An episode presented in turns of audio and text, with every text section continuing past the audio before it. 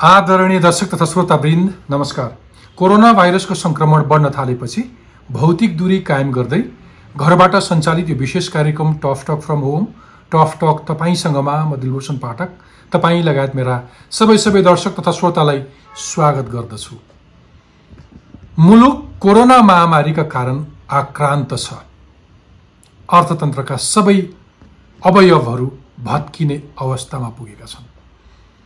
रोजगारीको अभावमा युवा उमेरका ऊर्जावान व्यक्ति समेत खुल्ला मञ्चमा एक छाक भातका लागि थाल थाप्नुपर्ने अवस्था छ। ठिक यही बेला शासन सञ्चालन गर्ने सत्तारूढ दल नेकपा र प्रमुख विपक्षी दल नेपाली कङ्ग्रेस दुवै पैँसठी वर्ष उमेर बितिसकेका शीर्ष नेताहरू बीच शक्ति र सत्ता स्वार्थ झगडाले सीमा नागेको छ।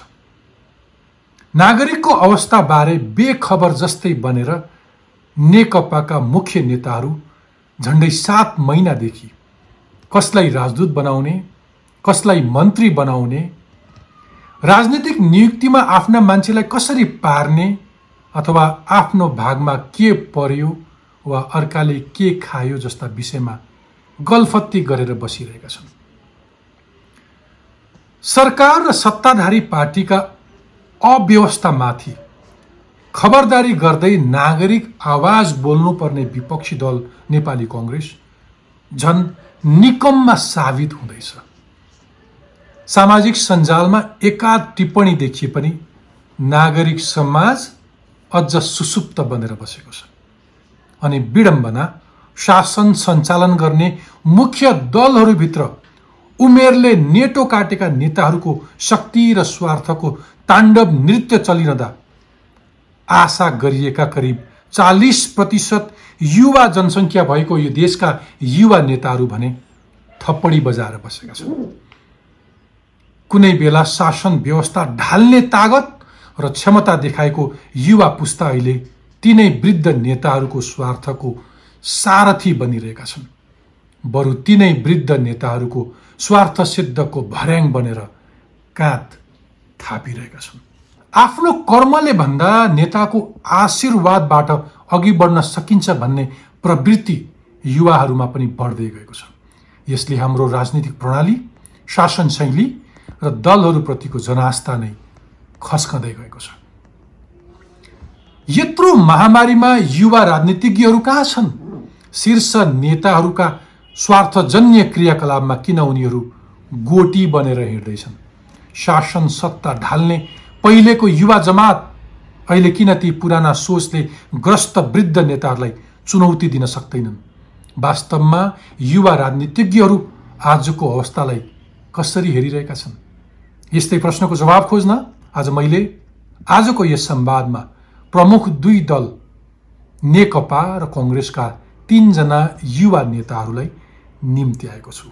आज मसँग हुनुहुन्छ दुई हजार बैसठी त्रिसठी सालको जनआन्दोलनमा सडकको नेतृत्व गर्दै हाल प्रतिनिधि सभामा नेकपाकी सांसद रामकुमारी झाँक्री तत्कालीन माओवादी जनयुद्धमा सामेल हुँदै पहिलो संविधान सभा निर्वाचनमा धनकुटामा पूर्व प्रधानमन्त्री स्वर्गीय सूर्यबहादुर थापा समेतलाई पराजित गर्न सफल नेकपाका केन्द्रीय सदस्य हेमराज भण्डारी र लामो समय नेपाल विद्यार्थीको आन्दोलनमा सरिक भई नेविसङ्घको अध्यक्ष हुँदै कङ्ग्रेसको केन्द्रीय सदस्य बन्न सफल कङ्ग्रेसका युवा नेता प्रदीप पौडेल। आउनुहोस् स्वागत गरौँ आजका मेरा तिनैजना अतिथिहरूलाई। तपाईँहरू सबैलाई tough talk from home tough talk तपाईँसँगमा स्वागत छ। म आजको संवाद रामकुमारी झाँक्रीजीबाटै सुरु गर्न चाहन्छु। रामकुमारीजी तपाईँ सङ्घीय सांसद र नेकपाको केन्द्रीय सदस्य। यस्तो महामारीको बेलामा स्वाभाविक रूपमा जनताले एउटा कुशल नेतृत्वको अपेक्षा गर्छ सुशासन खोज्छ। तर सरकारको नेतृत्व गरिरहेको तपाईँको पार्टीमा एक वर्षदेखि ठुला नेताहरू शक्तिको लडाइँमा छन्। यो झगडा गर्ने बेला हो जनताको नजरमा अहिले तपाईँ र तपाईँको पार्टीको नेतृत्व कहाँ छ? सबैभन्दा पहिले त नेपाली समाजको एउटा अनौठो तरिकाका बारेमा पनि केही कुरा भनौँ जस्तो लाग्यो मलाई आज। राजनीति भनेकै शक्तिको प्राप्ति अनि शक्तिको केन्द्रीकरण र त्यसको वितरण हो न्यायोचित वितरण हो। त्यसो भएर जहाँ शक्तिको आर्जन हुन्छ त्यो ठाउँमा त्यसका अन्तर्द्वन्द्वहरू असहमतिहरू ती विविध पक्षहरू हुन्छन् नै।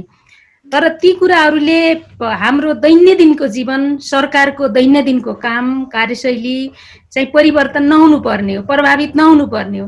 तर तिम्रो पार्टीमा झगडा छ नि त्यही कारणले स्वास्थ्य मन्त्रालयले कोभिडका बिरामीको उपचार गर्दैन। यो किन गर्यो भन्ने जस्ता प्रश्न मलाई बाटोमा कसैले सोध्यो भने यो अनौठो मान्नुपर्ने होइन आज नेपाली समाजमा।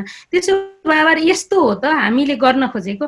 म पार्टी भएपछि पार्टीभित्र त केही न केही कुराहरू हुन्छ नै हुन्छ किनभने अझ त हाम्रो दुइटा पार्टी एकता भएको विधि सम्बद्ध एकता भएन विधि सम्बद्ध पार्टी सञ्चालन भएन भन्ने हाम्रा तमाम कुराहरू छन्।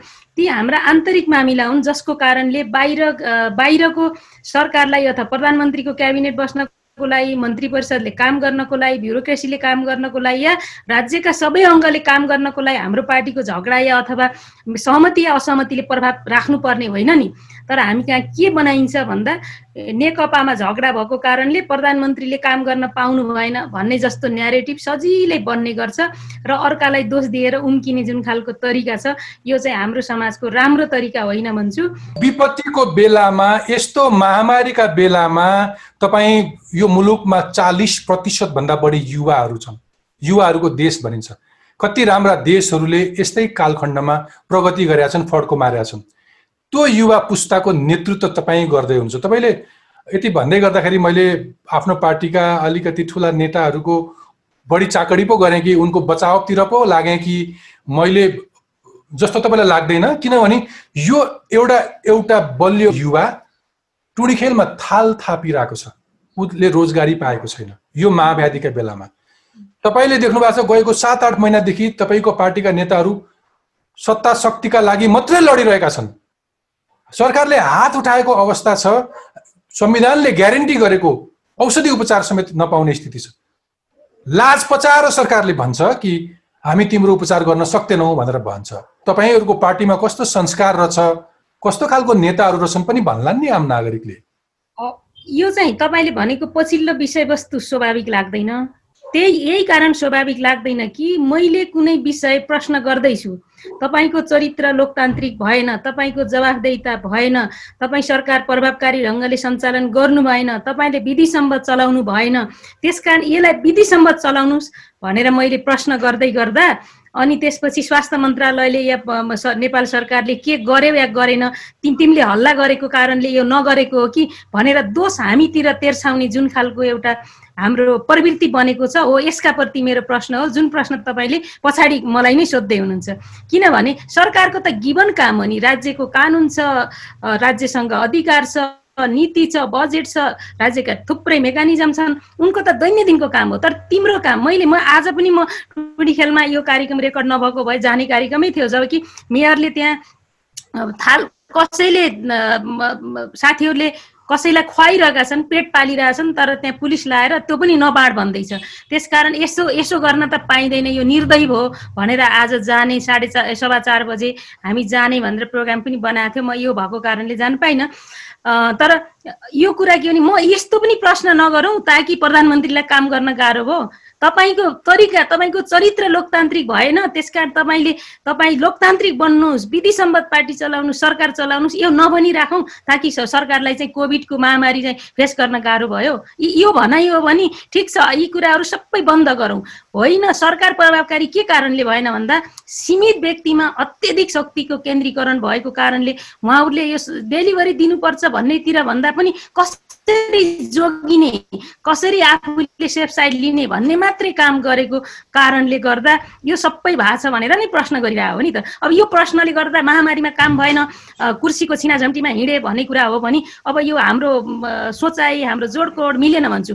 अब शीर्ष हाम्रा नेताहरूको कुरा के हो भन्दा उहाँहरूको कुरा निहायत केही न केही शक्तिको बाँडफाँडमा अल्झेकै छ त्यो कुरा हामीले पनि देखेकै छौँ। उहाँहरूले बैठक बस्नुहुन्छ कस्ता एजेन्डामा छलफल गर्नुहुन्छ सहमति गर्नुहुन्छ के विषयमा सहमति गर्नुहुन्छ फेरि असहमति हुन्छ किन असहमति हुन्छ? केही थान आधा दर्जन एक एक दर्जन पुरापुर नेताहरूको मामला तपाईँले भने जस्तै होला। तर हामी जस्तो मान्छे त केही भूमिकामा छैनौँ पनि छौँ पनि हाम्रो लागि त यो पार्टीमा प्रश्न गर्ने यो सरकारलाई प्रश्न गर्ने मेरो त दायित्व हो नि। प्रश्नै। नगरौँ र। होइन। तपाईँको दायित्व कतिसम्म हो भने तपाईँलाई चिन्नेहरूले देखाएका छन् सडकमा तपाईँले देखाएको ऊर्जा अथवा तपाईँहरूले सडक आन्दोलन गरेर कुनै एउटा व्यवस्था फालिएको युवाहरूको शक्ति देखेका छन् र ती धेरै युवाहरूमध्ये तपाईँ संसदमा पनि हुनुहुन्छ। त्यसकारण मुलुकले केही अपेक्षा गर्छ केही निश्चित मान्छेहरूसँग। यसको यसको अर्थ चाहिँ तपाईँलाई मैले बोलाएको। म प्रदीप पौडेलजीकोमा जान चाहन्छु। प्रदीपजी नेपाली कङ्ग्रेसको केन्द्रीय सदस्य हुनुहुन्छ नेपाली नेपाल विद्यार्थी सङ्घको पूर्व अध्यक्ष हुनुहुन्छ। प्रदीपजी तपाईँ भनिदिनुहोस् अहिले यो महामारीको बेलामा विपक्षी दलको भूमिका सरकारलाई खबरदारी गरेर जनतासँग जोडिनु पर्ने समय हो कि लडेर बस्नुपर्ने हो? तपाईँको पार्टीभित्र के भइरहेको छ? पचहत्तर वर्षका आसपासका नेता मध्ये कसलाई नेतृत्वमा ल्याउने भन्ने बहसमा व्यस्त हुनुहुन्छ है तपाईँ युवा नेताहरू युवा पुस्ताहरू? मतलब हाम्रो पार्टीसँग जोडिएकै विषय तपाईँले प्रश्नमा उठाउनुभयो। हाम्रो पार्टीमा महाधिवेशनको पनि चर्चा भइरहेको छ। पचहत्तर वर्षदेखि धेरै कान्छा तलका पनि उम्मेदवारहरूले आफ्नो उम्मेदवारी प्रस्तुत गरिरहनु भएको छ। अब यो महाधिवेशन अथवा यी सबै विषयहरू हाम्रा नियमित प्रक्रियाहरू हुन्। पार्टीभित्र केही समस्याहरू पनि होलान् त्यो आफ्नो ठाउँमा छ। तर मुख्य गरी आज देश जुन अवस्थामा छ त्यो अवस्थामा हाम्रो सापेक्ष उपस्थिति जसरी हुनुपर्ने हो त्यो नभएको कुरा हामी आफैले पनि महसुस गरेका छौँ र पार्टीभित्र पनि यो कुरालाई हामीले व्यापक ढङ्गले उठाइरहेको स्थिति हो। नेपाली कङ्ग्रेसले यति बेला सरकारले जस्ता जस्ता गतिविधिहरू गरेको छ निर्णयहरू गरेको छ जे जसरी सरकार प्रस्तुत भइरहेको छ त्यसको बारेमा हामीले खबरदारी गर्ने गरी विषयहरू उठाएनौँ भन्ने त होइन। तर हामीले ती विषयहरूलाई परिणाममा पुर्याउन सकेनौँ। अथवा विपक्षी दल छ नेपाली कङ्ग्रेस पनि छ भन्ने कुराको महसुस गराउन सकिरहेका छैनौँ। त्यसका लागि हामीले कार्यशैली बदल्न जरुरी छ। हाम्रो प्राथमिकता बदल्न जरुरी छ। हाम्रो नेतृत्व पनि हिजो जस्तै शक्तिसँग मात्रै जोडिरहने शक्तिसँग मात्रै त्यसको सेयरिङ खोली खोजिरहने त्यो ढङ्गबाट जाँदा चाहिँ हाम्रो उपस्थिति नदेखिएको जस्तो देखियो। यद्यपि हामी हस्ताक्षर गर्ने ठाउँमा छैनौँ निर्णयहरू गर्ने ठाउँमा छैनौँ। हस्ताक्षर या निर्णय कसैले गर्छ त्यो गरेको निर्णय सही या गलत के भयो भनेर हामी औल्याउने ठाउँमा छौँ। त्यो औल्याउने प्रक्रिया चाहिँ प्रभावकारी भएन भन्ने विषयमा पार्टीभित्र पनि व्यापक रूपमा कुरा उठिरहेको छ। यसले चाहिँ के के गर्यो भन्दा एकदमै धेरै निराशा बढाएर लिएर गयो। युवा अथवा समग्र जनताका बिचमा यसले निराशा लिएर गयो। कसैले खाना खुवाइरहेको छ अनि शक्तिमा बसेका मान्छेहरूले के भनिरहेका छन् भने यहाँ खाना नखाऊ यसले हाम्रो बेजेत भयो। राज्यले के भन्छ? नसक्नेहरूको उपचार गरिदिन्छु। कहाँ हो त्यो उपचार हुने? कहीँ ठाउँै छैन। कसले हो गरिदिने कुनै अत्तो पत्तो नै छैन। एब्सोल्युटली एब्सोल्युटली तपाईँ एकदम पोइन्टमा हुनुहुन्छ। तर म अम्ला तपाईँले सरकारलाई देखाए जस्तै म अम्ला तपाईँको पार्टीलाई देखाइरहेको छु। तपाईँ प्रतिपक्षी दल नेपाली कङ्ग्रेस नागरिकहरूले देखाएको छ तपाईँको पार्टीको इतिहास देखाएको छ तपाईँको शासन देखेको छ। खोइ त बोलेको। बालटारमा मैले- देवाजी जानुहुन्छ तपाईँको पार्टी सभापति। के माग्न जानुहुन्छ? खुसखुस के गर्नुहुन्छ? प्रतिपक्षीको भूमिका यही हो। मतलब त्यही विषयसँग त्यही विषयसँग जोडेर प्रधानमन्त्रीसँग मेरो सभापतिको भेटघाटको सन्दर्भसँग मात्रै जोडेर हेर्दा चाहिँ त्यसमा मेरो सभापतिको त्रुटि देख्छु। त्यो चाहिँ एकदमै सच्याउनु पर्ने विषय हो। प्रधानमन्त्रीसँग विपक्षी दलको नेताको भेट हुन्छ। तर भेट भएपछि के कुरा भयो त्यो सार्वजनिक गर्न किन सकिँदैन? मिडियालाई त्यो कुरा प्रष्ट ढङ्गले किन भन्न सकिँदैन? त्यसकारण त्यहाँ भएका कुरा हुन् या नभएका कुरा हुन् यदि कन्फ्युजन गर्ने गरी बाहिर आइरहेको छ त्यो कुरामा हामीले हाम्रो सभापतिलाई प्रश्न गरिरहेको स्थिति हो। तर अन्य विषयहरूका सवालमा मैले अघि नै पनि के भने भने विषय नउठेको होइन। उठेका विषयहरूलाई परिणाममा पुर्याउन नसकेको स्थिति हो।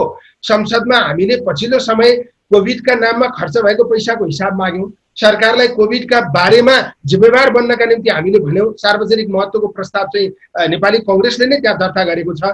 सरकारको कमी कमजोरी औल्याउने सन्दर्भमा संसदमा बढी आलोचना पनि भयो होला तर चाहिँ प्रधानमन्त्रीले संसद बैठक बन्द गरिदिनु भयो। हामीले पार्टीभित्र के भन्यौँ भने तत्काल हामीले कोभिडकै बारेमा छलफल गर्ने गरी संसदको बैठकको समावेदन समावेदन गरौँ।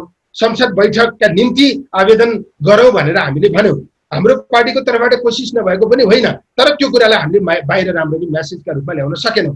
हामीले हाम्रो जुन छाया सरकार छ विभिन्न डिपार्टमेन्टहरू हाम्रा साथीहरूको जिम्मेवारीमा छ।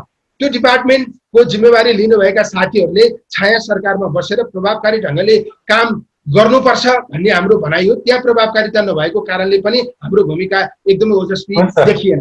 त्यसपछि लेखा समितिमा नेपाली कङ्ग्रेसको नेतृत्व छ। नेपाली कङ्ग्रेसको नेतृत्वमा भएको लेखा समितिले भ्रष्टाचार सम्बन्धी जति पनि मुद्दाहरू छन् ती मुद्दाहरूलाई आफ्नो ठाउँबाट जोरदार रूपमा उठाउनुपर्छ भन्ने पनि हाम्रो भनाइ हो। यी सबै कुराहरू सिलसिलेवार ढङ्गबाट। प्रभावकारी रूपमा हुन नसकेका कारणले हाम्रो भूमिका प्रभावकारी देखिएको छैन। त्यसकारण तौर तरिका बदल्नुपर्छ भनेर हामीले भनिरहेका पर्टिकुलरली युवा पुस्ता के गर्दैछ? युवा नेतृत्व कहाँ छ भन्ने विषयमा आउँछु म क्रमैसँग। म हेमराज भण्डारीजीलाई पहिलो पालो पुऱ्याइहाल्छु। हेमराजजी तपाईँ त साह्रै कलिलै उमेरमा राजनीतिमा आउनुभयो। सशस्त्र आन्दोलनमा लाग्नुभयो। राजा फाल्नलाई व्यवस्था परिवर्तन गर्न बन्दुक उठाउनुभयो।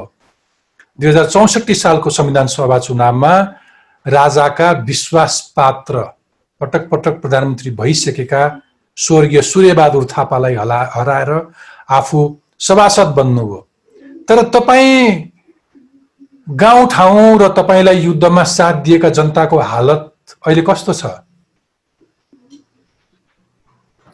अब हिजो राजनीतिमा लाग्दै गर्दा जे सङ्कल्प बोकेर जे आत्मविश्वास बोकेर लागि थियो व्यक्तिगत रूपमा त्यो सङ्कल्प र आत्मविश्वास अहिले पनि कायम छ।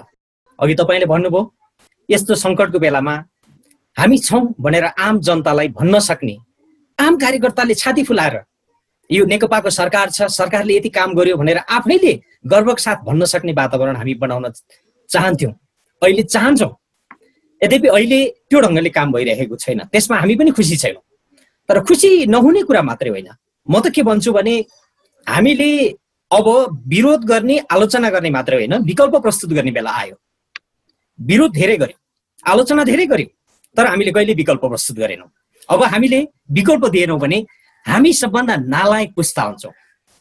हामीले अघिल्लो पुस्तालाई गाली गर्ने हामीले चाहिँ त्यो नैतिक धरातल गुमाउँदै जान्छौँ। किन म त्यो भन्छु? भन्दा पुष्पलाल पच्चिस वर्षको हुँदा नेपाल कम्युनिस्ट पार्टीको महासचिव भएका थिए। बिपी कोइराला एकतिस वर्षको हुँदा काङ्ग्रेसको सभापति भएका थिए। मदन भण्डारी उन्चालिस वर्षको हुँदाखेरि एमालेको महा महासचिव भएका थिए। एब्सोल्युटली हेमराजजी थ्याङ्क यू तपाईँले मेरो स्पिरिट बुझ्नुभयो। मैले यो होल संवादको आशय अब अब फेरि कोसँग अपेक्षा गर्ने? तपाईँलाई मैले फेरि पनि दोहोऱ्याएर सोधेँ कि तपाईँले बडो सिम्बोलिक रूपमा तपाईँलाई आज मैले निम्ता गरेको छु। तपाईँले निम्ताउनुको आशय छ। तपाईँहरूले सशस्त्र आन्दोलन गर्नुभयो। पन्ध्र हजारभन्दा बढी मान्छेहरू मारिए।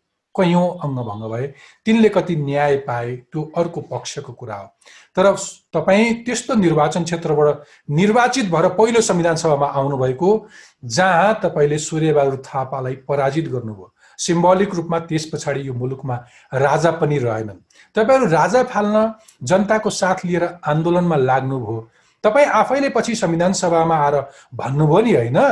हामीले एउटा राजा त फाल्यौँ सशस्त्र द्वन्द्व गरेर तर यो मुलुकमा हामीले कति राजा जन्मायौँ भनेर तपाईँ आफैले आफ्ना नेताहरूको उठबस र राजकीय शैलीको तपाईँले विरोध गर्नुभयो। आजको दिनमा यो लामो यात्राका बिचमा तपाईँका नेताहरू तपाईँका पार्टी अध्यक्षहरूको स्वभाव कुनै एउटा तानासाई राजाको भन्दा कम छ? छातीमा हात राखेर भनिदिनुहोस् हेमराजजी। अब मैले अघि नै पनि भने हामीले लामो सङ्घर्ष गरेर सामन्तवादको अन्त्य गऱ्यौँ भन्यौँ। तर त्यो सामन्तवादसँग हिजो हिजोको सामन्तवादसँग राजासँग भएको संस्कार चाहिँ लामो सङ्घर्षको क्रममा सिफ्ट गरेर लिएर आए। राजा फालियो पारिवारिक राजतन्त्रको अन्त्य भयो तर राजतन्त्रको संस्कार चाहिँ कायम रह्यो। त्यो संस्कारको प्रतिनिधि पात्र अहिले को भयो भन्दा हाम्रा नेताहरू हुनुभयो। त अहिलेको सङ्कटै त्यही हो। देशको अहिले देशले निकास नपाउनु देश अगाडि नबढ्नुको कारणै त्यही हो। उहाँहरूको स्वभावमा चरित्रमा संस्कृतिमा र उहाँको कार्यशैलीमा रहेको सामन्ती सोच सामन्ती शैली नै अहिलेको मुख्य समस्या हो। किनभने म नै सबै थोक म भएपछि अरू केही चाहिँदैन। म सबै थोक पार्टी केही होइन जनता केही होइन देश केही होइन समूह केही होइन टिम केही होइन भन्ने यो मनोविज्ञान त्यो राजतन्त्रको मनोविज्ञान भन्दा डरलाग्दो मनोविज्ञान हो। र यो मनोविज्ञानको प्रतिनिधित्व आज हाम्रा नेताहरूले गरिराख्नु भएको छ। म नेपालका समकालीन अहिलेको नेतृत्वको पुस्ताले गरिरहेको छ। त्यसैले म के भन्दैछु भने अब उहाँहरूको धेरै विरोध गरेर उहाँहरूको आलोचना गरेर समय खेर फाल्नु हुँदैन। त्यो समयको बर्बादी मात्रै हुन्छ कि हामीले अब विकल्प प्रस्तुत गर्नुपर्छ। विरोध होइन विकल्प प्रस्तुत गरौँ विरोध होइन विकल्प प्रस्तुत गरौँ। आलोचना होइन अब सृजनात्मक बनाऊ। सृजनात्मक ढङ्गले हामी अगाडि बढौँ कि देशले खोजेको अर्को विकल्प हो। देशले नपाएको विकल्प हो। विकल्प नपाएर मान्छे खटपटिरहेछ। राजनीतिप्रति मान्छे फ्रस्ट्रेट भएको छ। हेर्नुहोस् रुँदै रुँदै युवाहरू खाडीमा पसिना बेच्न हिँड्नु पर्ने स्थिति छ। फर्केर हजारौँ लासहरू बक्सामा प्याक भएर आउने स्थिति छ। हामी सचेत नहुने राजनीतिमा भएका हामी मान्छेहरू समाज बदल्छौँ भनेर हिँडेका मान्छेहरू जसरी दुनियाँ राज्य बदल्छौँ भनेर हिँडेका हाम्रा नेताहरू राज्यबाट बदलिए आज। उनीहरूले बदल्न सकेन आफू बदलिए। हेमराजी थ्याङ्क यू हामीले यसलाई बदल्ने हिम्मत गर्नै पर्छ। हेमराजी मेरो पोइन्ट के हो आजको कार्यक्रमको यो संवादको भने यो सोच राख्ने तपाईँले भने जस्तै विचार राख्ने युवा पुस्ता अथवा युवा जमातलाई नेतृत्व गर्ने युवा नेताहरू कहाँ छन्? तपाईँहरू के गर्दै हुनुहुन्छ भन्ने प्रश्न हो। म रामकुमारी झाँक्रीजीकोमा जान चाहन्छु। रामकुमारी झाँक्री तपाईँ जस्ता युवा नेताहरूप्रति धेरैको आशा थियो र छ पनि। मैले अघि पनि भने दुई हजार बैसठी त्रिसठीको जनआन्दोलनमा तपाईँ र तपाईँ जस्ता युवाहरूको रगत बग्दै गर्दाखेरि अब चाहिँ कुशल नेतृत्व आउला कि भन्ने अपेक्षा थियो।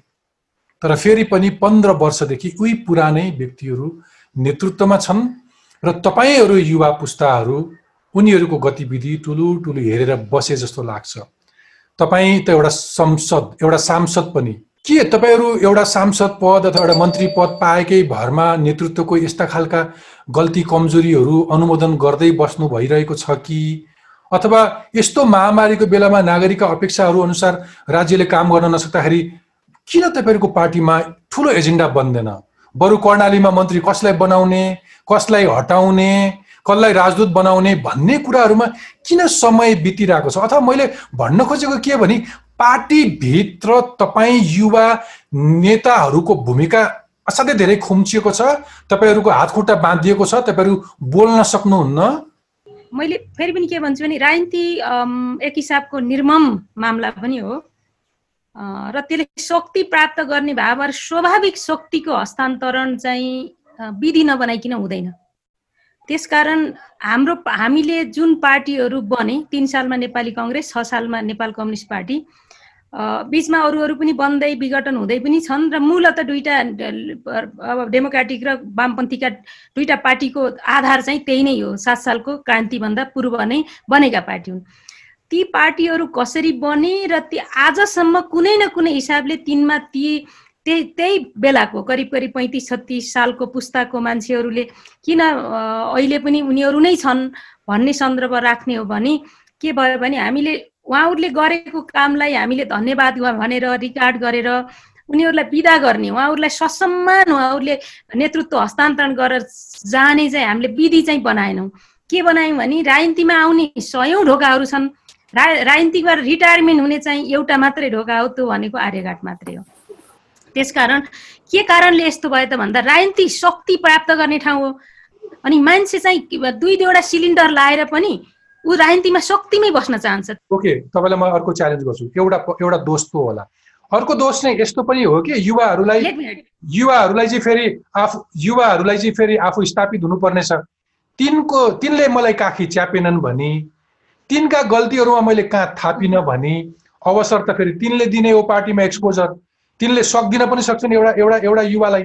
सक्न सक सिद्ध्याउन सक्ने र बनाउन सक्ने ठाउँमा छन् म म एकजना म युवा एकजना यो युवा पुस्ताका बारेमा छलफल गर्ने संवाद गर्ने अहिले ग्लोबल युथ लिडरमा चयन भएका प्रदीप परिवारको एउटा आर्टिकल पढिरहेको थिएँ। उनले एउटा जमेको नेतृत्व भनेर काहीँ लेखेको छ। उनले कसरी कति मिठो लेखेका छ भने जमेको नेतृत्व भनेको चाहिँ पोखरीमा पानी जस्तै पहिलो बाधक चाहिँ अगाडिको नेतृत्व छ।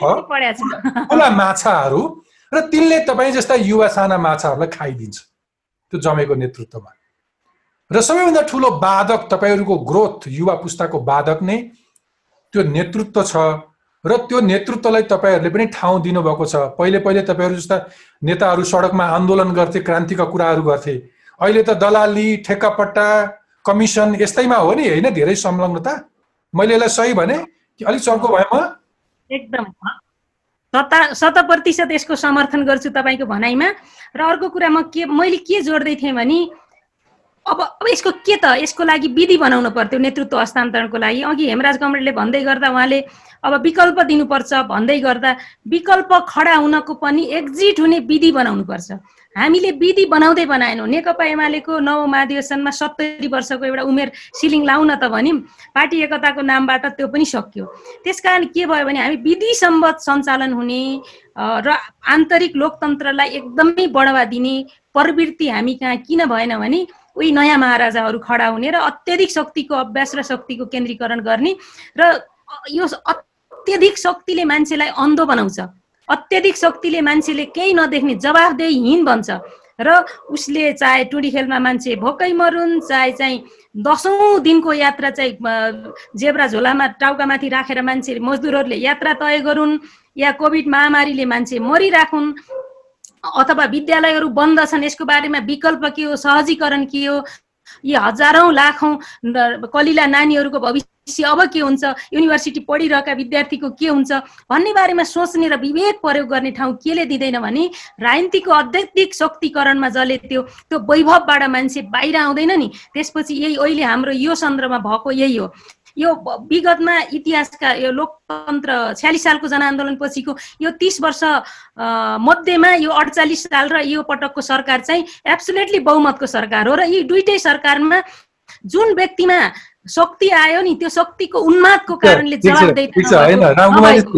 मैले एउटा कुरा यहाँ फेरि भन्दैछु कि युवाहरूको के हो त भन्दै भन्दै गर्दा एउटा तपाईँले भन् जस्तै हो। अर्को उनीहरूले दुइटै गराइदिन सक्छन्। एउटा सडकको मान्छेलाई त मन्त्री भइस् भनेर अथवा एउटा जर्नेलको फुली लगाइदिन सक्ने भए मन्त्री नामको जर्नेलको अनि त्यहाँ भइरहेको मान्छेलाई सक्दिन पनि सक्ने भए।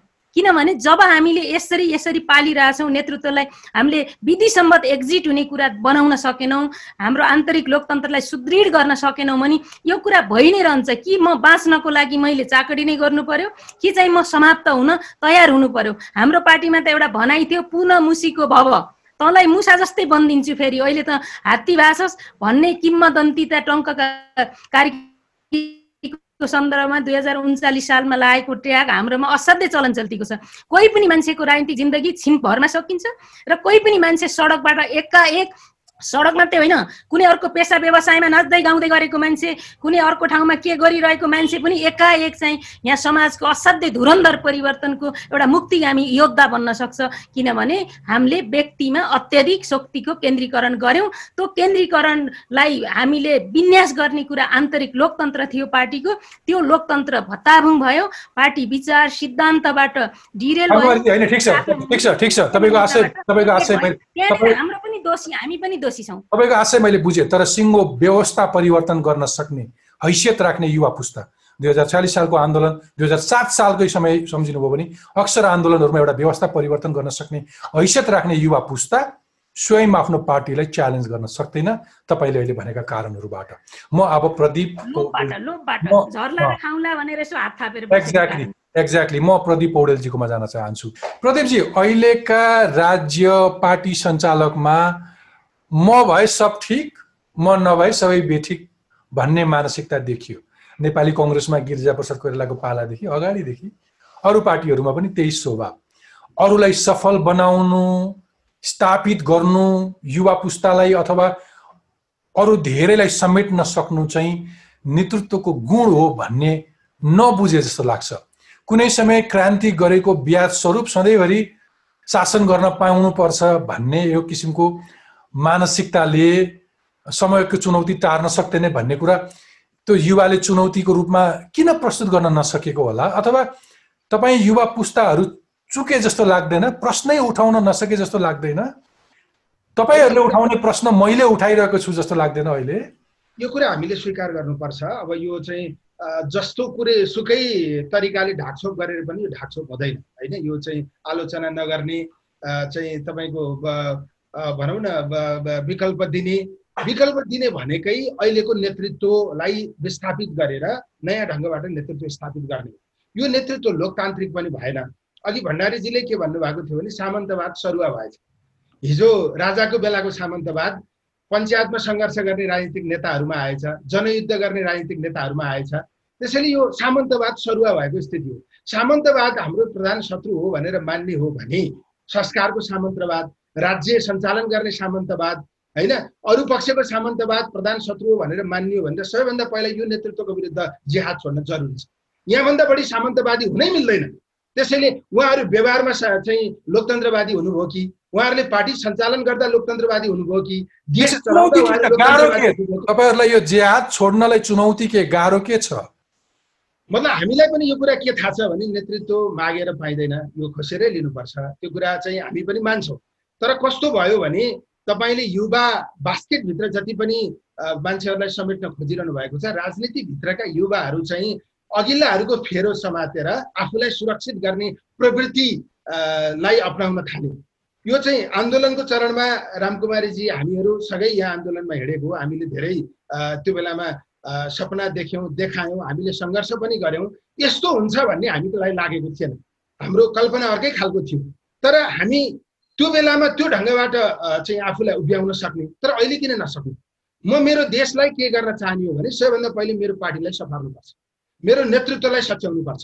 मेरो पार्टीको नेतृत्व सबल भयो सशक्त भयो भने मात्रै मैले देशलाई कन्ट्रिब्युट गर्न सक्छु।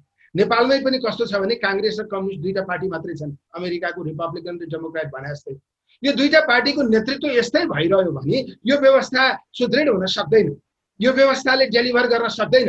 हामीले त्यत्रो सङ्घर्ष गरेर ल्याएको व्यवस्था उपलब्धि हो भनेर भनिरहेका छौँ।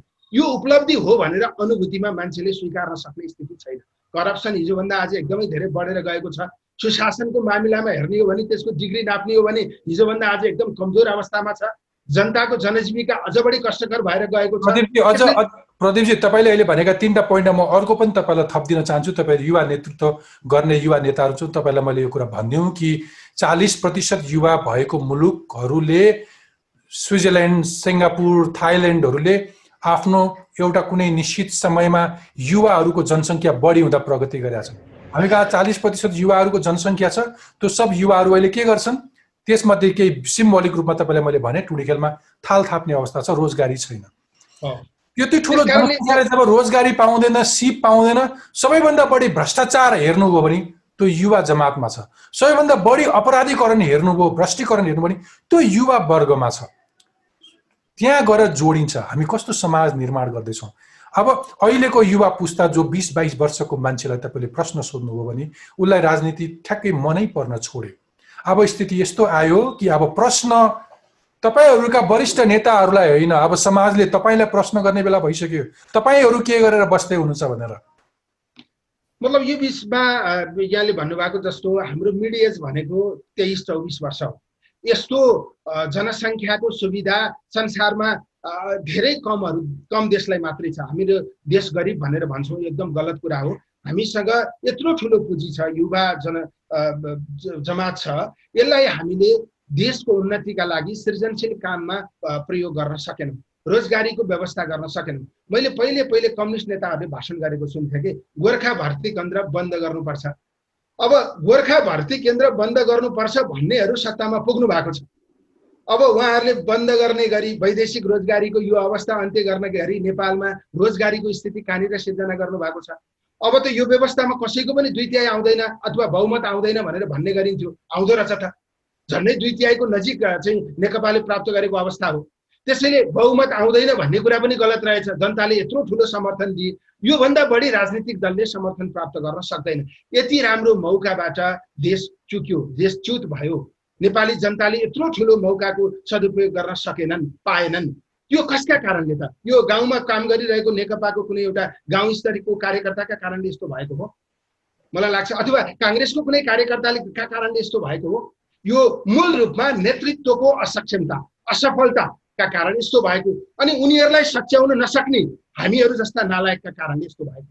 हामीले हाम्रो पार्टीभित्र यी विषयहरूलाई जोरदार ढङ्गले उठाउन किन सक्दैनौँ?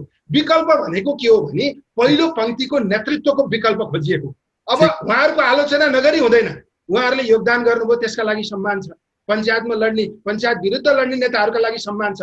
तर सम्मानित हुने भनेको पार्टीको विधानभन्दा माथि बसेर शासन गर्न खोज्ने। होइन? आफ्नो मन लागेको कुरा लाद्न खोज्ने। नेपालको संविधानले समानुपातिको आशय कसरी प्रकट गरेको छ? पैसा हुनेलाई बेच्ने भनेर भनेको छ? यही हो समानुपातिक यही हो समावेशी यही हो यो सङ्घीय समा के अरे समावेशी लोकतन्त्र। त्यसैले यो संविधान गलत होइन। हाम्रो शासन व्यवस्था गलत होइन। नेतृत्वको नियत गलत हो कार्यशैली गलत हो यसलाई परिवर्तन गर्न सकिएन भने फेरि पनि युवाले रोजगारी पाउने स्थिति बन्न सक्दैन। यो असन्तोषको न्यूनीकरण हुने अवस्था हुँदैन। यो झन्झन बढेर जान्छ। आज राजा ल्याऊ भनेर मान्छेले जुलुस निकाल्न थाल्यो। नेपाली समाज के नायक भगवान्ले पठाइदिनुपर्छ भन्ने सोच राख्ने समाज हो। अघि चाहिँ भण्डारीजीले भन्नुभएको थियो बिपी कोइराला कति वर्षमा सभापति हुनुभयो मदन भण्डारी हुनुभयो। उहाँहरू युवा हुँदा उहाँहरूले नेतृत्व लिन सक्ने हामी हुँदा हामीले नेतृत्व लिन नसक्ने। आज पनि फिनल्यान्डमा तपाईँको पैँतिस वर्षको प्रधानमन्त्री चौतिस वर्षको प्रधानमन्त्री हुनुहुन्छ। बाराक ओबामा राष्ट्रपति हुँदा कति वर्षको हुनुहुन्थ्यो? उहाँले चार वर्षमा कत्रो ठुलो छलाङ मारेर चाहिँ अगाडि बढ्नुभयो। आज न्युजिल्यान्डको प्रधानमन्त्री कति वर्षको हुनुहुन्छ? न्युजिल्यान्ड रुवान्डाले तपाईँको कोर कोभिड नियन्त्रण गर्न कति ठुलो उपलब्धि हासिल गरेको छ? हामी चाहिँ गरिब देश हौ धनी देश अमेरिकाले गर्न नसकेको काम हामीले गर्न सक्दैनौँ भनेर यति नालायक कुरा गर्न मिल्छ। तैपनि हामी यो कुरा हेरेर बसिरहेका प्रदीपजी, छौँ। ठिक छ। याद गर्नुपर्छ बोल्दै गर्दाखेरि फेरि तिनै वरिष्ठ नेताहरू हुनु अघि कुरा आइसक्यो। एकै रातमा सिद्ध्याइदिन सक्छौँ। तर च्यालेन्ज चाहिँ गर्नुपर्छ प्रश्न उठाउनुपर्छ भन्ने म त यसमा थोरै कुरा के राख्छु भने हामीले पद्धति बदल्न जरुरी छ। यसरी नेताले कार्यकर्ता बनाउने कार्यकर्ताले नेता बनाउने पद्धतिबाट पार्टी चल्नु हुँदैन। यस्तो पद्धति रहिरह्यो भने हामीले पार्टीबाट देश सुदृढ हुने कल्पना गर्न सक्दैनौँ। त्यसैले जनताबाट पार्टी बनाउने र त्यो पार्टीबाट नेतृत्व चयन गर्ने स्थिति हामीले बनाउनु। ठिक छ। हेमराजी म अब हेमराजीकोमा आउन चाहन्छु। हेमराजी तपाईँलाई थाहा छ अमेरिकामा चुनाव भयो। चुनाव भइरहेछ। बिहारमा पनि त्यही हो। तर यहाँ महत्त्वपूर्ण विषयमा छलफल गरौँ भन्दाखेरि कोरोनाको महामारी छ भनेर तपाईँको पार्टीको नेतृत्व बैठक टार्छ। दलको बहुमतको निर्णय मान्दिन भन्छ होइन? अलिकति पृष्ठभूमिमा हेर्ने हो भने माधव कुमार नेपाल झलनाथ खनाल केपी शर्मा ओलीको सेरोफेरोमा त्यतिखेरको तत्कालीन एमाले हुँदै अहिलेको नेकपाको नेतृत्व झन्डै चालिस वर्षदेखि व्यक्ति व्यक्तिमा घुमिरहेको छ। अर्को साइड तपाईँलाई देखाइदिन्छु। तपाईँ जुन युद्धबाट आउनुभयो माओवादी युद्ध माओवादी युद्ध गर्दा तपाईँलाई जानकारी गराउँ कि साठी प्रतिशत भन्दा बढी युवाहरू अग्र मोर्चामा थिए। राइट? तर मूलधारमा आएपछि ती युवाहरू सबै विस्थापित भए। झन्डै पैँतिस वर्षदेखि तत्कालीन नेकपा माओवादीका तपाईँका पार्टी अध्यक्ष प्रचण्ड अहिलेसम्म निरन्तर नेतृत्वमा छन्। अनि फेरि यिनको यति धेरै ताण्डव नृत्य देख्दै गर्दाखेरि तपाईँहरू चाहिँ घरमा मौन बस्न कसरी सक्नुहुन्छ? बल्दैन आगो। मैले देख्छु हाम्रो पुस्तामा सबैमा छ। हुटुटी सबैमा छ। तर समस्या के छ भने राजनीतिक नेतृत्व चाहिँ एकाएक कसैको मनोगत चाहनाबाट बन्दैन। यो पनि सच्चाइ हो फेरि। त्यसलाई बुझिएन भने अब फेरि हामी अर्को दुर्घटनामा फस्छौँ। नेतृत्व मैले पैँतिस वर्ष चालिस वर्ष भनिरहेको छु ब्याकग्राउन्ड चार। दशकसम्म।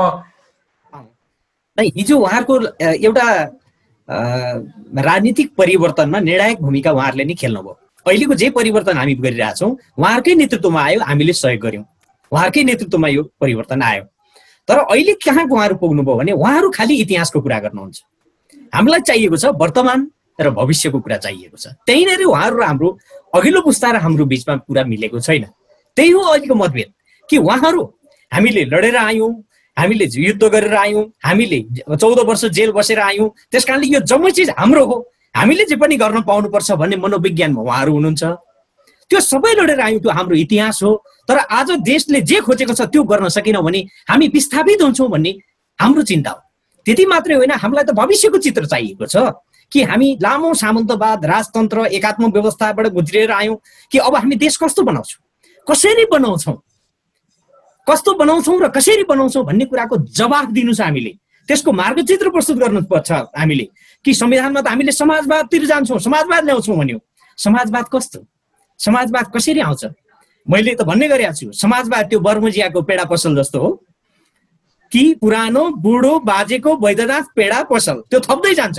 अझ थप्दै जान्छ थप्दै जान्छ त्यहाँ। सयौँ पेडा पसल छन् तर सक्कली कुनै पनि छैन। भन्दा समाजवादको स्पष्ट मार्गचित्र कसैले पनि प्रस्तुत गर्न सकेको छैन। भन्दा विचारको आधारमा बन्ने हो पार्टी। पार्टी भनेको विचारको सङ्गठन हो। अहिलेको हाम्रा नेताहरूसँगको सम्बन्ध हाम्रो वैचारिक मात्रै हो। हामी उहाँहरूका रैती होइनौँ।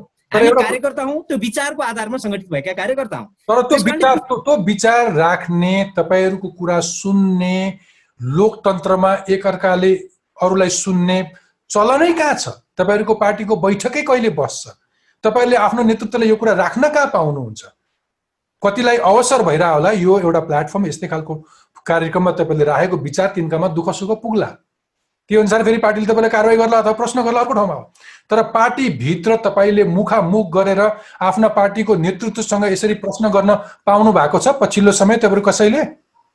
नै अघि रामकुमारीजीले भने जस्तै त्यही कुरा हो कि अहिलेको सङ्कटै कहाँ हो भने पार्टी संस्थागत निर्णयबाट नचलाउने सामूहिक समूहमा विश्वास नगर्ने संस्थागत प्रणाली र पारदर्शिता स्थापित नगर्ने पर्दा पछाडिबाट स्वार्थ समूहहरू गुटहरू गिरोहहरूले नेताहरूलाई प्रभावित पार्ने र उहाँहरूले त्यसको आधारमा निर्णय गर्ने र हो आम पार्टी पङ्क्ति चाहिँ कमजोर हुने निरीह हुने जनताको मुद्दाहरू कमजोर हुने। अझ यतिसम्म कि हामी त भन्ने गरेका छौँ अहिलेका दलाल पुँजीपति वर्गका प्रतिनिधिहरू खास खास ठुला व्यापारी घरानीहरूले कैयौँ निर्णयहरूमा प्रभाव पार्ने।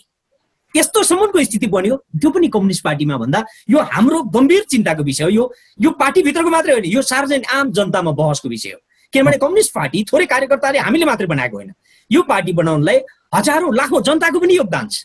हिजो बलिदान गरेर जाने हजारौँ कार्यकर्ताको पनि योगदान छ। भन्दा यो विषय पार्टीहरू हामीले पार्टी कस्तो बनाउने भन्दा पार्टी त हाम्रो सार्वजनिक सम्पत्ति हुन् नि। यसको विषयमा सार्वजनिक बहस गर्नुपर्छ आम जनतामा बहस गर्नुपर्छ कि नेताहरूको कार्यशैलीको कारणले। तल दार्चुलामा बस्ने कार्यकर्ताले दुःख पाइरहेको छ उसले जवाब दिनुपर्छ। सरकारले राम्रो काम गर्न नसकेको कारणले ताप्लेजुङको कार्यकर्ताले दुःख पाइरहेको छ उसले जवाब दिनुपर्छ। भन्दा यो विषय हामीले आम जनताको बिचमा बहस गर्छौँ गर्नै पर्छ। तपाईँले भने जस्तै हामीले पार्टीभित्र चाहिँ संस्थागत रूपमा यो यसरी विचारहरू राख्ने वातावरण चाहिँ बन्द गर्न खोज्यो। बन्द गर्न खोज्यो समूहको कुरा सुन्ने अरूका कुरा सुन्ने सुनेर निर्णय गर्ने भन्दा पनि सबै चाहिँ मैले जे गर्छु त्यही ठिक हो मैले जे बुझेको छु त्यही वैज्ञानिक हो होइन? मैले जे लागू गर्छु त्यो नै सत्य अकाट्य हो भन्ने यो मनोविज्ञान मैले अघि भने नि सामन्तवाद र पुँजीवादको डरलाग्दो। मैले आजको प्रोग्राम नै सुरुवात गर्न देवराज दाहाल एकजना नियमित स्तम्भकार हुनुहुन्छ। उहाँको आर्टिकल पढिरहेको थिएँ त्यहाँबाट सुरु गर्न मन लागेको थियो। तर तपाईँलाई सुनाउँछु तपाईँको नेतृत्वले पनि कतै सुन्योस्।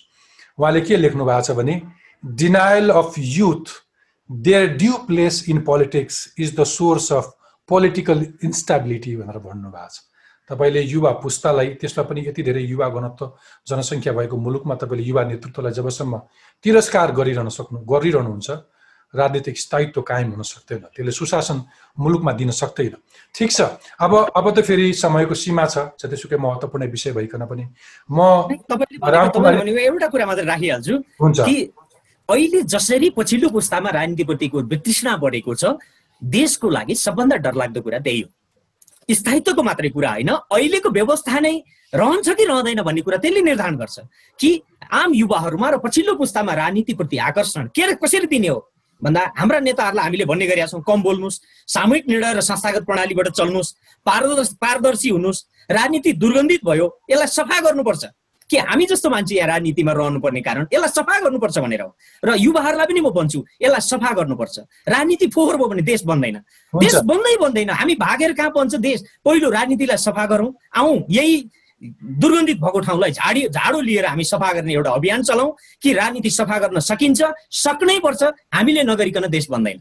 कसैले बनाइदिएला देश अर्कोले बनाइदिएला उसको आशीर्वादबाट हामी चयनको जीवन बाँच्छौँला भन्ने यो कल्पना नगरे हुन्छ हामीले नै बनाउनु पर्छ त्यो सङ्कल्प बोकेर राजनीतिमा आउनै पर्छ अर्को अर्को पुस्ता ठिक छ। रामकुमारीजी तपाईँको त तपाईँले सडकमा टाउको फुटाएको धेरैले देखेका छन् अथवा तपाईँको टाउको फुटेर रगत बगेको धेरैले देखेका छन् सम्भवतः तपाईँले त्यतिखेर रगत बगाएको आजको परिस्थिति देख्नका लागि पक्का पनि होइन। तर दुर्भाग्य तपाईँको पार्टीभित्र अहिले गुट प्यारो छ। सरकारभन्दा बिचौलिया बलिया छन्। विधि पद्धतिभन्दा पनि एउटा व्यक्ति ठुलो भएको छ तपाईँले अघि भनिसक्नुभयो। तर अधिकांश युवा नेतृत्वमा आउन सक्ने सम्भावना भएका युवा नेताहरू ठुलो ठुलो हेरेर बसिरहेका छन्। मलाई भनिदिनुहोस् कि तपाईँ एउटा सांसद पनि भएका कारणले केही राजनैतिक हस्तक्षेप गर्ने पदीय हैसियतमा पनि भएका कारणले कुनै कुनै सशक्त रूपमा आवाज उठाउने प्रश्न गर्ने पार्टीभित्र विद्रोह गर्ने अथवा अथवा च्यालेन्ज गर्न सक्ने। यो त सबै च्यालेन्ज नगरेर हो नि। तपाईँलाई मेरो अन्तिम प्रश्न अघि तपाईँले संस्कार समाजलाई दोष दिए पनि। At the end of the day फेरि नेतृत्व राज्यले त्यो मात्रै अपेक्षा गर्न सक्छ उसको समाजको हैसियत हेरेर। जस्तो समाज छ त्यस्तै नेतृत्व हुन्छ। तर संसार त्यसरी मात्रै पनि चलेको छैन। त्यहाँ भित्र नयाँ नेतृत्वहरू जन्मिया छन्। सबैभन्दा पहिले आन्तरिक लोकतन्त्रको सुस्त अभ्यास गर्ने अवस्था हामीले बनाउनको लागि हाम्रा पार्टीहरू नै ठिक ठाउँमा हुनुपर्छ। सही पार्टी भयो भने मात्रै हामीले नेतृत्व हस्तान्तरण गर्ने युवामा जाने अरूमा जाने यी कुरा हामीले गर्न सक्छौँ। त्यो सबैभन्दा मेजर कुरा चाहिँ विचारधाराको कुरा र त्यो विचारधारालाई पनि त्यहाँ स्पेस पाउने कुरा चाहिँ डेमोक्रेटिक अन्तर पार्टी लोकतान्त्रिक अभ्यास नै हो। त्यसले विधि मान्ने कुरा हो प्रक्रिया मान्ने कुरा हो र प्रक्रियाभन्दा बाहिर कोही पनि व्यक्ति छैन भन्ने कुरालाई स्थापित गर्न पर्ने। आज यस्तो कठिन अवस्थामा आज नेकपा हाम्रो पार्टी पुगेको छ। हाम्रो लागि असाध्य दुःखद र हाम्रो जिन्दगीका लागि असाध्य दुःखद। अनि दिलभूषण राईले भन्दै गर्दा हामी लोकतन्त्रका लागि लड्दै गर्दा हामीले भनेका थियौँ कि नखोसिने प्रजातन्त्रको सुनिश्चितताका लागि हामी गणतन्त्रमा जाँदैछौँ। हामीले लाखौँ युवाहरू हामी जस्तै हामीभन्दा अझ साना उमेरका मान्छेहरूलाई गोलबन्द गर्दै गर्दा यही कुरा भनेका थियौँ। तर आज नखोसिने लोकतन्त्रको स्थायित्वको कुरा गर्दा यहाँ व्यक्तिको स्थायित्वको कुरा गर्ने र व्यक्तिले अत्यधिक शक्तिको केन्द्रीकरण गरेर उसले जथाभावी गर्दाखेरि पनि प्रश्न गर्ने प्रश्न गर्ने मान्छेहरूलाई नै तिमीले प्रश्न गर्यौ। त्यस कारण सरकार प्रभावकारी भएन भन्ने जस्ता जस्ता न्यारेटिभ सोसाइटीले बनाइरहेको छ। यसका प्रति मात्रै आपत्ति हो। किनभने तिमीहरूले अझ धेरै प्रश्न गर जसले गर्दा सरकारलाई जवाफदेही बनाऊ। तिमीले अझ धेरै प्रश्न गर तिम्रो पार्टी ठिक ठाउँमा हिँडाऊ। बहुदलीय व्यवस्थाभित्र दलहरू नै समाज सञ्चालन गर्ने इन्जिनहरू हुन्। यिनीलाई नै ठिक ठाउँमा लानुपर्छ। यिनै पार्टीहरू ठिक ठाउँमा नहुँदासम्म लोकतन्त्र व्यवस्था प्रणाली आफैमा केही पनि ठिक हुँदैन। किनभने संविधानले त धेरै अधिकार दिएको छ। अभ्यास गर्ने कुरा र र विवेक त संविधानले दिँदैन त्यो मान्छेमा हुन्छ ती को मान्छे भन्दा दलभित्र भएका मान्छे। हो ती मान्छेलाई विवेकशील बनाउनको लागि पनि हामीले अझै धेरै आन्तरिक हिसाबले लड्ने वातावरण भयो। हाम्रो लडाइँमा यहाँहरूले साथ दिनुभयो वातावरण बनाइदिनु भयो। भनिन हामीले यी जम्मै कुरा गर्न सक्छौँ। होइन भने पुनः मुसीको भव नै हो। छाडा जोगाएर पुनः मुसीको के अरे प्रदीपजीकोमा आएँ। प्रदीपजी म सम्झिन्छु कि अब वास्तवमा जनताको आवश्यकता अनुसार युवाहरूलाई चलायमान गराउने तागत युवाहरूमै हुन्थ्यो। त्यसैले पनि पहिले दलका युवाहरू गाउँ गाउँमा सामाजिक अभियान जागरण चलाएर हिँड्थे होइन? धेरै परिवर्तनहरू युवाहरूको त्यस किसिमको गतिविधिले भएको छ। तर अब पछिल्लो समय दुर्भाग्य अहिले युवाहरूलाई बढी ठेकापट्टाको चासो छ बिचौलियाको ट्याग भिरेर हिँडेका छन्। नियुक्ति सरुवा बढुवा लगायतका काममा बाहेक खासै नेता भेट्ने संवाद गर्ने त्यति धेरै संस्कार देखिँदैन। अघिल्लो पटक अलिकति आश लाग्ने तपाईँहरू युवा नेतृत्वहरूमध्ये युवा जमातहरूमध्येबाटै गगन थापाजीसँग कुरा गरेका थिए। गगनजीले के भन्दै हुनुहुन्थ्यो? युवा भएर महाधिवेशनमा उम्मेदवारी दियो आफ्नै युवा साथीहरूले भोट हाल्दैन। बडो ठुलो भ्रम छ कि हामी युवा भनेको उमेरका आधारमा युवा भनिरहेका छौँ। कोही मान्छे यङ हुनसक्छ बाई एज तर दिमाग अहिले हामीले कुरा गरिरहेको पचहत्तर वर्षको भन्दा वृद्ध बडो परम्परागत सोच हुनसक्छ युवा पुस्ता भनेको सम्भवतः सोच पनि हो। देखिरहेको छ हामी नेपाली राजनीतिमा एउटा युवा चर्को आवाज त्यतिखेरसम्म बोल्छ जबसम्म ऊ मन्त्रीको जागिर पाउँदैन। मन्त्रीको पद पाएको दिनदेखि अनि उसले आफ्नो वृद्ध पार्टी नेतालाई उसले कहाँ डाल्न थाल्छ? जब ऊ पहिले त्यही युवाको आवाज उठाएर आउँछ तपाईँहरूको महाधिवेशन पनि आइरहेको छ। अघि मैले भने कि केही नेताहरू चालिसौँ वर्षसम्म त्यही पार्टी वरपर घुमिरहेका छन् दुई हजार सात साल ताकाका नेताहरू त्यो भोगेका नेताहरू समेत अहिले पनि पार्टीमा रहिरहन्छन्। यो महाधिवेशनले केही त्यस्तो सन्देश दिन्छ? अघिल्लो पटक गगन थापाजीले भन्नुभएको थियो ओभरअल तपाईँहरूमा त्यस्तो किसिमको लहर आएको छ? कि होइन ठिकै छ? दाईहरूले जसो जसो भन्नुहुन्छ त्यही त्यही गर्ने हो। मतलब यसमा मलाई के लाग्छ भने एउटा त अब हाम्रो राजनीतिमा हामीले पटक पटक चाहिँ अवसरहरू गुमायौँ। अडचा छ्यालिस सालपछि जुन बहुदलीय व्यवस्था आयो त्यो त त्यसभन्दा पछाडिको सरकारले मुलुकलाई एउटा सिस्टममा लान सक्थ्यो त्यहाँ पनि हामी चुक्यौँ। सुरुमा प्रचण्डजी प्रधानमन्त्री हुनुभएको थियो संविधान सभाको निर्वाचनपछि त्यो सरकारले पनि देशलाई सिस्टममा लान सक्थ्यो त्यहाँ पनि हामी चुक्यौँ। र अहिले पछिल्लो पटक नेपालको सबैभन्दा शक्तिशाली प्रधानमन्त्री हुनुभएको छ केपी शर्मा ओली। उहाँ त धेरै ठाउँमा अथवा यो नेतृत्व त एकदमै धेरै ठाउँमा चुकिसक्यो। हामीले कि त यसलाई यहीँभित्र बसेर सच्याउन सक्नु पर्यो। सच्याउन नसक्ने हो भने हामीले विकल्प दिन सक्नु पर्यो। विकल्प दिने सवालमा हामीहरू चुकेको कहाँ हो भन्ने मलाई लाग्छ भने यो कान्छो भएको कारणले मात्रै सुविधा खोज्ने कुरा चाहिँ गलत हो। म तपाईँकै कुरासँग के सहमत छु भने यो चाहिँ कार्यशैली हो होइन? यो मुद्दाहरू हो होइन? विचार हो। त्यसैले चाहिँ यो म सबैभन्दा कान्छु छु त्यस कारण मलाई चाहिँ नेतृत्वमा लानुपर्छ भन्ने कुरा त्यति स्वाभाविक हो भन्ने मलाई लाग्दैन। त्यसैले वैचारिक पक्षबाट हामीले उद्वेलित गर्न सकेनौँ। मान्छेहरूलाई एकदमै धेरै कन्भिन्स गर्न सकेनौँ। विकल्प हामी हो भनेर वैचारिक ढङ्गबाट र कार्यशैलीको पक्षबाट हामी प्रस्तुत हुन सकेनौँ। हामीहरू चुकेको पनि त्यहाँनिर हो भन्ने मलाई लाग्छ। हामीले एउटा करिश्मा देखाउन सकेनौँ। बाराक ओबामाले दुई हजार चारमा गरेको एउटा भाषणले उसलाई दुई हजार आठमा राष्ट्रपति बनायो। यहाँ पनि हामीले एउटै भाषण मात्रै गऱ्यौँ भने पनि धेरै ठुलो आकर्षण गर्न सक्छौँ। तर त्यो विचारसँग जोडिएको मुद्दाहरूसँग जोडिएको विषयहरूसँग जोडिएको समस्या मात्रै होइन समाधान पनि सँगसँगै जोडिएको हुने गरी हामी आउन सक्नु पर्यो। त्यसैले हामीले पूर्ण वैचारिक ढङ्गबाट आफूलाई प्रस्तुत गर्न नसकेको कारणले योग्य अयोग्य र चाहिँ एकदमै धेरै असोस असन्तोष सिर्जना गरेको नेतृत्व कुर्सीमा बस्न पाइरहेको छ। अहिले नेकपाभित्र खोजिएको के अरे केपी ओलीजीको ठाउँमा रामकुमारीजीलाई खोजिएको त होइन। केपी ओलीजीको ठाउँमा प्रचण्डजी जान खोज्नु भएको माधव नेपालजी जान खोज्नु भएको होइन? त्यहाँ चाहिँ कहाँको पुस्ता हस्तान्तरणको कुरा कहाँनिर भएको छ? अहिलेको करेन्ट लिडरसिपलाई चेन्ज गरेर पहिल्यै टेस्टेड लिडरसिपलाई फेरि ल्याउन खोजेको नेपाली राजनीतिले खोजेको कुरा के हो भने अनटेस्टेड हो। नेतृत्वमा जान चाहने मान्छेसँग विषय हुन्छ उसको पहिचान बनिसकेको हुन्छ। जस्तै यही नेकपाभित्रै हेरौँ न। घनश्याम भूषालजी एउटा आशा लाग्दो नेता हुनुहुन्थ्यो। होइन योगेश भट्टराईजी आशा लाग्दो नेता हुनुहुन्थ्यो अघि तपाईँले भन्नुभएको जस्तै उहाँलाई यो पदवी दियो कुर्सी दियो त्यसपछि उहाँहरूको आशा पनि गर्लेन गुर्लुममा ढाल्यो।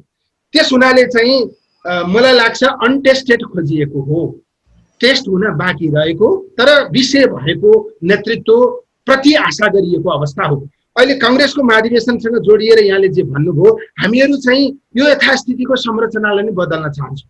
व्यवस्था बदल्ने मैले भनेको होइन। पार्टीगत संरचनालाई बदल्न चाहन्छु। मैले अघि नै पनि भने नि नेताले नै कार्यकर्ता बनाउने अनि कार्यकर्ताले नेतृत्व चयन गर्ने। यो कङ्ग्रेसको मात्रै समस्या होइन। नेकपामा योभन्दा ज्यादा समस्या छ। किनकि नेकपा त कम्युनिस्ट पार्टी हो। चेयरम्यानले चलाउने पार्टी हो। त्यस कारणले चाहिँ हामीले म यहाँ दुईजना साथीहरू हुनुहुन्छ उहाँहरूलाई पनि यो कार्यक्रम मार्फत म आग्रह गर्न चाहन्छु। तमाम अन्य सबै राजनीतिक कर्मी युवा साथीहरूलाई म अनुरोध गर्न चाहन्छु हामीले यो पार्टी सञ्चालनको पद्धतिलाई परिवर्तन गर्न सकेनौँ भने हामीले हस्तक्षेप गर्न सक्छौँ तपाईँहरूलाई त्यो ठिक छ त्यो पद्धति परिवर्तन गर्ने अवसर आउँदैछ आउँदैछ तपाईँहरू महाधिवेशनको मुखमा हुनुहुन्छ।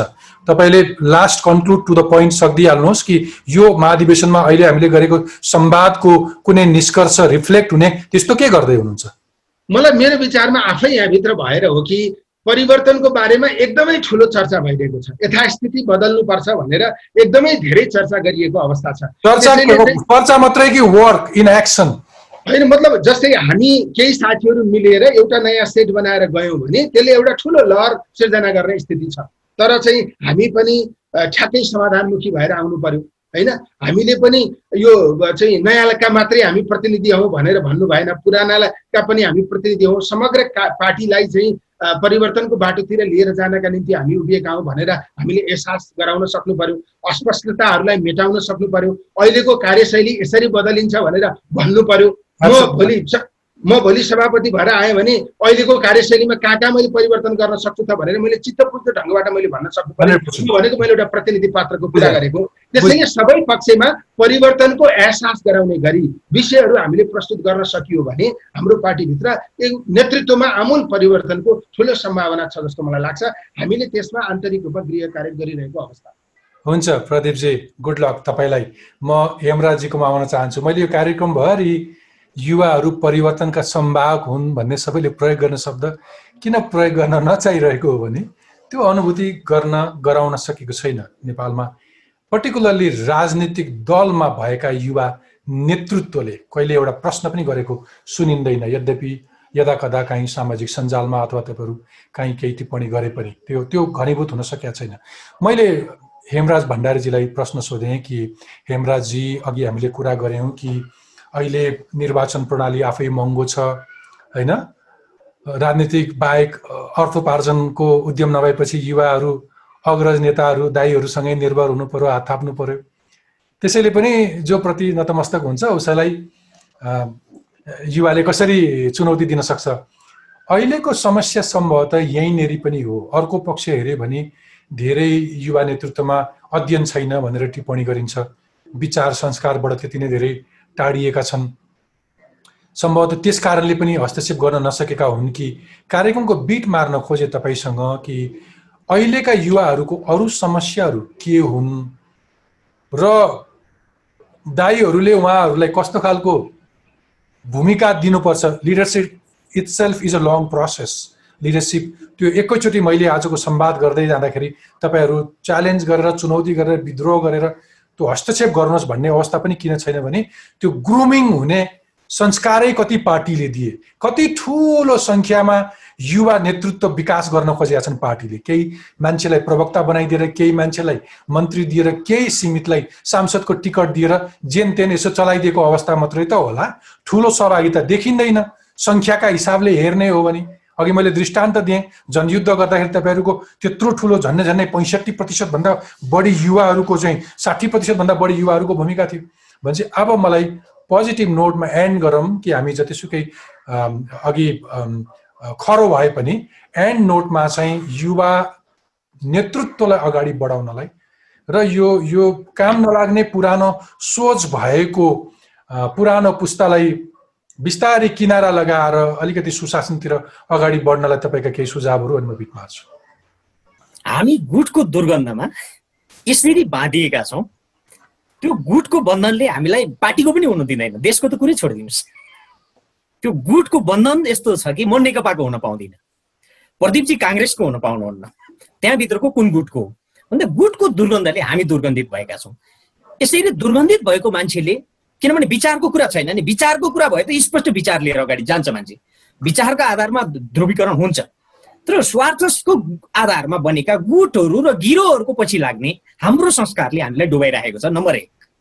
दोस्रो कुरा हामी विगतको योगदानप्रति अघिल्लो पुस्तालाई उच्च सम्मान गर्छौँ। उहाँहरूको विगतको योगदानप्रति राजनीति परिवर्तनमा उहाँहरूले गर्नु भएको योगदानप्रति। तर वर्तमानको भूमिकाप्रति हामीलाई उहाँहरूप्रति ग्लानी छ। हामी भनिरहेका छौँ उहाँहरूको अगाडि पनि भनेका छौँ। यहाँ मात्रै होइन। उहाँहरूको अगाडि सामुन्यमा पनि भनिरहेका छौँ कि अगाडि सिट ठाडो पारेर उहाँहरूको अगाडि आँखा जुदाएर भन्न सक्ने त्यो ल्याकत म चाहिँ आजसम्म राखेको छु राख्छु। कि म आज यहाँ तपाईँको मिडिया मार्फत भनिरहेको छु उहाँहरूको अगाडि पनि यति कुरा भन्न सक्छु। र भन्नुपर्छ कि हामी विचारका आधारमा होइन गुटको आधारमा बाँधिने यो क्रमबाट हामी मुक्त भएनौँ भने हामीले देशको नेतृत्व गर्न सक्दैनौँ। है? हाम्रो समस्या त्यहाँ छ। हाम्रो पुस्ताले रामकुमारीजीहरू हाम्रो पुस्ताले मागेको हो नि महाधिवेशन त। केन्द्रीय समितिमा भएका युवा पुस्ताको नेतृत्वको जोड बलले त्यो महाधिवेशनको मिति हामीले तोकेका हौँ। कि त्यो महाधिवेशन भयो भने अहिलेको असाध्यै केन्द्रीकृत नेतृत्व प्रणालीबाट हामी चेन्ज गर्छौँ। एकाएक अहिले चाहिँ युवा नेतृत्वमा आउँछ भन्ने होइन हाम्रो मकसद। कमसेकम पनि तिनवटा पुस्ता। अहिलेको भएको प्रौढहरूको पुस्ता वृद्धहरूको पुस्ता अहिले भएको वृद्धहरूको पुस्ता। अब त्यसपछि अहिले राजनीतिमा पावर एक्सर्साइजमा बडो घमासान ढङ्गले लागिरहेका प्रौढहरूको पुस्ता र हामी युवा भनिनेहरू हामी पनि युवा हौँ कि होइनौँ? तर हामी युवा भनिनेहरूको पुस्ता। कमसेकम त्यो तिनवटा पुस्ताको संयोजन सहित पदाधिकारी भलिट ब्युरो पार्टीका सबै निकायहरू बन्ने भयो भने कार्यशैलीमा केही न केही चेन्ज आउँछ। काम गर्ने तौर तरिकामा सोचमा संस्कारमा केही न केही परिवर्तन आउँछ। किनभने अघिल्लो पुस्ताभन्दा पछिल्लो पुस्ता ब्रिलियन्ट नै छ। मभन्दा मेरो छोरो धेरै ब्रिलियन्ट छ। स्वाभाविक हो त। यमराजी धन्यवाद। विषय यस्तो थियो कि तपाईँका वरिष्ठ नेताहरूले यो कार्यक्रम हेर्नुभयो भने सोच्नु हुँदो हो कि हाम्रा आफ्ना युवा भाइ बहिनीहरूलाई चिन्ता छैन यसलाई के को टाउको दुखाइ भनेर मतिर इङ्गित गर्नु होला। तर यो विषयमा तपाईँहरूलाई गरेको प्रस्ताव स्वीकारेर जसरी आइदिनु भयो र पार्टीभित्र देखिएको पर्टिकुलरली वरिष्ठ नेता अथवा पुराना नेताहरूले गरेको ताण्डवका विरुद्धमा टिप्पणी गर्दै युवा नेतृत्वको सम्भावनाका बारेमा जुन विचार राखिदिनु भयो त्यसका लागि तपाईँलाई धन्यवाद दिन चाहन्छु नै। तपाईँहरूको सक्रियता र सुशासन अथवा एउटा गतिलो राजनीतिका लागि तपाईँहरूको सक्रियता तपाईँहरूको प्रतिबद्धता अरू बढोस् भन्ने शुभकामना दिन चाहन्छु। महत्त्वपूर्ण समय र विचारका लागि धेरै धेरै धन्यवाद। हस् धन्यवाद। दर्शकवृन्द कार्यक्रमको अन्त्यमा तपाईँको प्रश्न। मेरो नाम विनय रिसाल सर्लाहीबाट। यस कोरोनाको कहरका बिचमा हुन गइरहेको बाह्र र ब्याचलरको परीक्षामा चाहिँ विद्यार्थी कुनै पनि विद्यार्थीलाई कोरोना पोजिटिभ देखायो भनेदेखि विद्यार्थीले एक्जाम दिन पाउँछ कि पाउँदैन? एक्जाम दिन पाउँछ भने कुन संयन्त्रबाट कसरी एक्जाम दिन मिल्छ? यो कुरामा चाहिँ अलिकति प्रष्ट पारिदिनु हुन अनुरोध गर्दछु। म सुजाता लामा प्रदेश नम्बर तिन काठमाडौँ जिल्लाबाट। मेरो प्रश्न शिक्षा मन्त्रीलाई रहेको छ। कोभिड नाइन्टिनका कारणले लकडाउन भएको आधी वर्ष अर्थात् छ महिनाभन्दा बढी भइसक्यो। यो समय अवधिमा का सरकारी कर्मचारीले त मासिक तलबहरू काम गरे तापनि अथवा नगरे पनि बुझ्दै आइरहेको छन्। यसमा मेरो भन्नु केही छैन तर जुन निजी क्षेत्रमा कार्यरत खास गरी निजी शैक्षिक क्षेत्रमा कार्यरत शिक्षकहरूको अवस्था कस्तो छ उनीहरूले यस्तो महामारीको अवस्थामा तल पाएका छन् या छैनन्? भन्ने हेर्ने जिम्मा कसको? केही सीमित ठुला निजी विद्यालय बाहेक मध्यम वर्ग निजी विद्यालयका शिक्षकहरूले चैत वैशाख यता तलब नै पाएका छैनन्। यस्तो अवस्थामा यो निगरानी गर्ने जिम्मा कसको? कर महिने पछि तिरे तापनि किन यस्तो भेदभाव? कि उनीहरूले अब सरकारी पक्षबाट केही गरिदेलान् भन्ने आशा छाड्दै हुन्छ त? म रोहन बगाले बागमती प्रदेशको चितवनबाट। मेरो प्रश्न महिला बालबालिका तथा ज्येष्ठ नागरिक मन्त्रीज्यूलाई। कोरोना महामारीको समयमा बालबालिकाहरू विशेष गरेर बढी जोखिममा परेको र बढी प्रभावित भएको कुरा हामी सबैलाई जानकारी छ। त्यो समयमा मन्त्रालयले विशेष गरेर चाइल्ड प्रोटेक्सन पोलिसीमा के कस्तो नीति ल्याएर कार्यक्रमहरू सञ्चालन गर्यो र आगामी दिनमा चाहिँ बाल विवाह बाल श्रम र सडक बालबालिकाको समस्या बढ्न सक्ने सम्भावना उच्च रहेको हुनाले पहिलेको भन्दा अझ थप सशक्त खालको नीतिहरू ल्याएर कार्यक्रमहरू सञ्चालन गर्न सकियो भने बाल अधिकारको संरक्षणमा अझ बढी टेवा पुग्थ्यो कि? नमस्ते म सुता शिवाकोटी बागमती प्रदेश नम्बर तिनबाट। मेरो प्रश्न रहेको छ मुख्यमन्त्रीज्यूलाई। नेपालमा कोरोना भाइरसको महामारी बढेसँगै महिला हिंसा पनि बढ्दो क्रममा छ। जसमध्ये बलात्कार जस्तो जघन्य अपराधमा पनि उल्लेख्य वृद्धि भएको छ। किन मानिसहरू यतिसम्म क्रूर भएका? के सरकारले बलात्कारीलाई खोजेर कारवाही नगरेकाले यिनीहरूले बढुवा पाएका हुन्? के सत्यको पक्षमा कहिले बोल्न सक्दैन यो सरकार? अझै कति निर्दोष निर्मला र सम्झना सम्झनामा मात्रै सीमित हुने हुन्। किन यो देशमा पीडितले न्याय पाउन भनेको फलामको चिउरा चप्पाउन सरी भएको छ? र हाम्रो देशमा कहिले त्यस्तो कानुन बन्छ जहाँ पीडा पीडितले होइन दोषीले पाउँछ? अबदेखि टकटकमा तपाईँ आफै पनि प्रश्न राख्न सक्नुहुनेछ। सरकारमा बस्ने हुन् वा प्रशासन चलाउने? सार्वजनिक ओदामा बस्ने हुन् वा समाजका जिम्मेवार मानिएका व्यक्ति? तपाईँ जसलाई पनि प्रश्न गर्न सक्नुहुनेछ। उत्तर नआउन पनि सक्छ तर प्रश्नको प्रभाव अनेक किसिमले परिरहेकै हुन्छ। त्यसैले आजै आफ्नो मोबाइल फोन उठाउनुहोस् क्यामेरा अन गर्नुहोस् आफ्नो नाम र ठेगाना भन्नुहोस् र कसलाई के प्रश्न हो एक मिनटभित्रमा सोध्नुहोस् र हामीलाई पठाउनुहोस्। हामी सबैभन्दा राम्रा प्रश्नहरूलाई कार्यक्रममा समावेश गर्नेछौँ। हवस् त अर्को हप्ता यसरी नै भेटौँला। कार्यक्रमका बारेमा टकटकको युट्युब पेजमा आफ्नो प्रतिक्रिया लेख्न नभुल्नुहोला। स्वस्थ रहनुहोस् सुरक्षित रहनुहोस्। आजलाई बिदा दिनुहोस्। नमस्ते।